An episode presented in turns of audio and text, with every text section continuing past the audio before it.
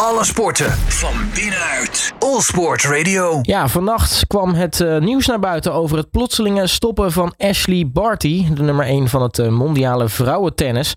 Ik ga erover praten met uh, tennisjournalist Jon Visbeen, met wie we ook nog even gaan praten over de Miami Open die deze week bezig is. Jon, hele goedemiddag. Goedemiddag, Robert. Uh, ja, ik weet niet hoe het met jou zat, maar ik werd uh, vanochtend wakker met een uh, pushmelding en daar stond Ashley Barty gestopt. Ik denk, goh, de eerste die ik daar even over moet bijpraten, dat is met, met Jon Visbeen. Ik weet niet hoe jij wakker werd met het nieuws. Nou, ik, ik had precies hetzelfde, Robert. Ik, ik was met stomheid geslagen. Ik denk, nou ja, weet je, het was wel vreemd, vond ik, dat ze niet naar Amerika was afgereisd voor Indian Wells en, en, voor Miami, de grote Amerikaanse toernooien die eh, momenteel aan de gang zijn. Uh, maar goed, uh, ja, van stoppen, dat, dat, dat, was niet bij mij opgekomen. En kennelijk bij jou ook niet. Maar goed, ja, het is zo. Ze is 25. Ze is nummer 1 van de wereld. En dat is in totaal 121 weken al. En, en de laatste 114 weken onafgebroken.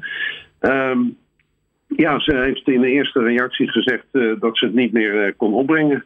Fysiek niet en mentaal. En uh, het is af en over. Heel, heel ja, schokkend toch wel. Ja, want nou ja, nogmaals, ik denk dat niet, niemand dit eigenlijk had zien aankomen. Al zullen er vast wel mensen zijn zeggen die met de kennis van nu terug gaan kijken in de tijd en denken met de kennis achteraf, goh, daar had het misschien wel eens duidelijk kunnen zijn. Um, maar wat, wat zo vreemd is, want Ashley Barty, kijk, we, weten natuurlijk nog uh, de, de dominantie die bijvoorbeeld uh, Serena Williams had hè, uh, in het tennis. Dat je eigenlijk al van tevoren wist dat zij een toernooi zou gaan winnen. Zij is eigenlijk de, nou ja, qua, qua op de lijst eigenlijk de vierde tennister met hoeveel weken op reizen achtereen op nummer 1 van de wereld heeft gestaan. Maar bij haar heb je nooit het gevoel gehad dat zij zo dominant is als bijvoorbeeld wel wat je had bij een Serena Williams.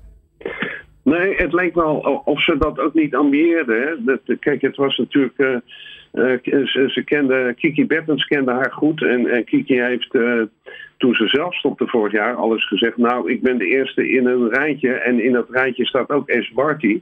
Met wie ze ook al gedubbeld heeft. En waar ze natuurlijk een aantal keren tegen gespeeld heeft. Um, en dat uh, is eenzelfde gevoel. Zij kwam daartoe omdat ze natuurlijk Barty geregeld sprak. Ze uh, ja, het was wel een soort vriendin van haar. Uh, en Barty liet zich in die coronatijd al eens ontvallen van... nou ja, ze was al honderd dagen van huis. ze mocht op dat moment haar eigen haar geboorteland niet meer in. Hè. Die, die coronaregels waren toen heel streng.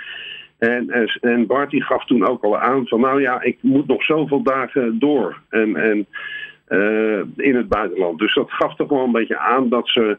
Uh, ja, ze is een familiemens en, en, en, en een vriendenmens. En, uh, dus dus uh, ja, wat dat betreft is het misschien niet zo vreemd dat ze ja, die misschien wat minder ambitieus was dan bijvoorbeeld Serena Williams of Steffi Graaf. Maar het blijft toch ja, doodzonde eigenlijk dat ze gestopt is. Vooral vanwege de manier waarop ze speelde. Hè. Eh, eh, ze was een zeer gevarieerde speelster. Uh, ontregelde vaak de power die ze tegenover zich kreeg. Uh, beheerste alle slagen. Het was, was een lust voor het oog eigenlijk. En uh, wat dat betreft is het een, een aderlating, ook voor de WTA. Hè, die hadden een nummer 1 met zeer sierlijk tennis, wat Roger Federer bij de mannen jarenlang heeft gedaan. Mm -hmm. um, en, en ja, die wint de laatste twee, uh, of ja, twee van de laatste drie Grand Slams. En, en, ja, die zegt, uh, Tabé, de groeten, uh, jullie zoeken het verder maar uit. Ja, dat is natuurlijk ook voor die, uh, voor die vrouwentennis, is, dat, is dat echt een aderlating, ja. Nou, zou, zou het haar keuze makkelijker hebben gemaakt, omdat ze natuurlijk dit jaar voor het eerst sinds 1978 eigenlijk de eerste Australische winnares was van de Australian Open. Want nou ja, dat is het eigenlijk het hoogste wat je in eigen land zo'n beetje kan halen als het gaat om Australisch tennis. Ik bedoel, dat heeft ze in ieder geval voor elkaar gehad. misschien dat dat de keuze natuurlijk wat makkelijker heeft gemaakt. Zeker, zeker. Waar het haar vooral om draaide, dat was niet eens zozeer die uh, Open winnen. Hè, dat was een soort bonus. Het ging haar vooral om Wimbledon. En dat, dat heeft ze vorig jaar bereikt. Hè. Dat was een soort levensdoel van haar. Nou, als je Wimbledon wint, het meest prestigieuze event, zeg maar, in tennis. Ja, dan, dan is eigenlijk mijn, mijn, uh, mijn uh, droom is verwezenlijkt. En er kwam als toetje natuurlijk nog bij dat ze voor het eerst inderdaad in 44 jaar een Australische winnares werd op haar home major en, in Melbourne. En, en ja, misschien dat dat er ook toe heeft geleid. Hè. Ze heeft Roland Garros ook nog gewonnen. Ze heeft de WTA-finals een keer gewonnen. Ehm, ja, dat het plaatje voor haar kennelijk rond was. Ze zei van, nou, eh, weet je wat? Ik heb een huis laten bouwen en ik heb een leuke vriend, daar ga ik mee trouwen. Uh, het is, het is uh, genoeg geweest. Alleen had je dan misschien verwacht dat ze dat na die Australian Open al had gezegd. Kennelijk heeft ze daar toch nog hard over moeten nadenken, dat dat nu pas naar buiten komt. Ja, want ze zegt ook uh, twee dingen die, die opvallend met elkaar je kunt eigenlijk verbinden. Want ze zegt, ik heb de fysieke drive niet meer. En daarnaast zei ze ook, helaas is mijn lichaam niet voldoende hersteld naar de Australian Open. Um, ja, ze zegt ook, hè, ik ben ook helemaal eigenlijk opgetennist. Ik, ik ben, ben opgebrand.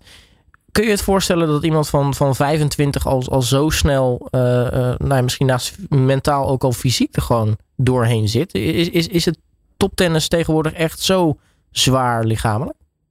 Ja, het is natuurlijk wel zwaar. Hè. Je moet niet vergeten, ze is al eens een keer eerder in haar carrière gestopt. Hè. Dat was in 2014. Toen uh, had, zat ze in een soort uh, ja, depressie. En, en uh, ze zag dat leven toen al niet meer zitten. toen is ze gaan cricketen. Nou, dat deed op, op ongekend hoog niveau ook meteen. Want ze heeft een, een waanzinnig balgevoel. Toen is ze toch teruggekomen in 2016.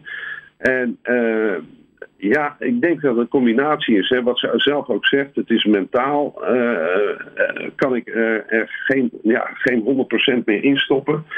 En dat gecombineerd met het fysiek, wat het, wat het eigenlijk eist hè, op dit moment. ook het vrouwentennis, ja, je moet, je moet er 100% staan, want anders word je eraf getikt.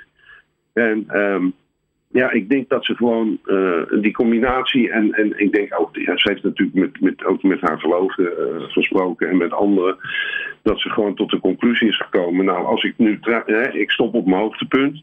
Als ik nu terugkijk, heb ik een fantastische carrière gehad. Ik heb meer dan 20 miljoen euro bij elkaar geslagen. Het is mijn kostje is verkocht. En uh, het is nu tijd voor, voor andere dingen. Nou, uiteraard, uh, ik denk wat, wat Andy Murray zei, is denk ik het, het, meest treffend. Hè? Blij voor Ashley, maar verdrietig voor de sport. Want ik denk uiteindelijk, ja, zij moet natuurlijk zelf zo'n besluit maken. En als zij zo'n besluit maakt, dan, dan moet iedereen daar natuurlijk ook gewoon respect voor hebben.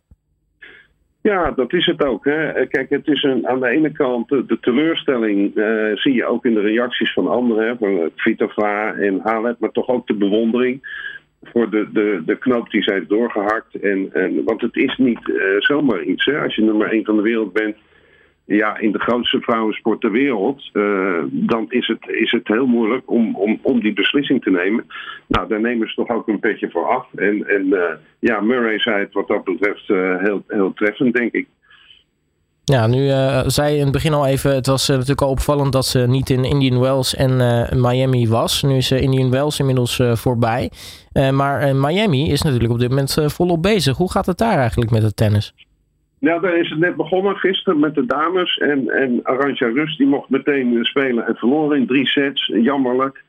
Uh, dat betekent dat uh, top 50 wat haar doel is, om toch nog eens een, een haar nadagen zeg maar, te bereiken. Ja, dat is wat verder weg. Ze verloor van Heather Watson.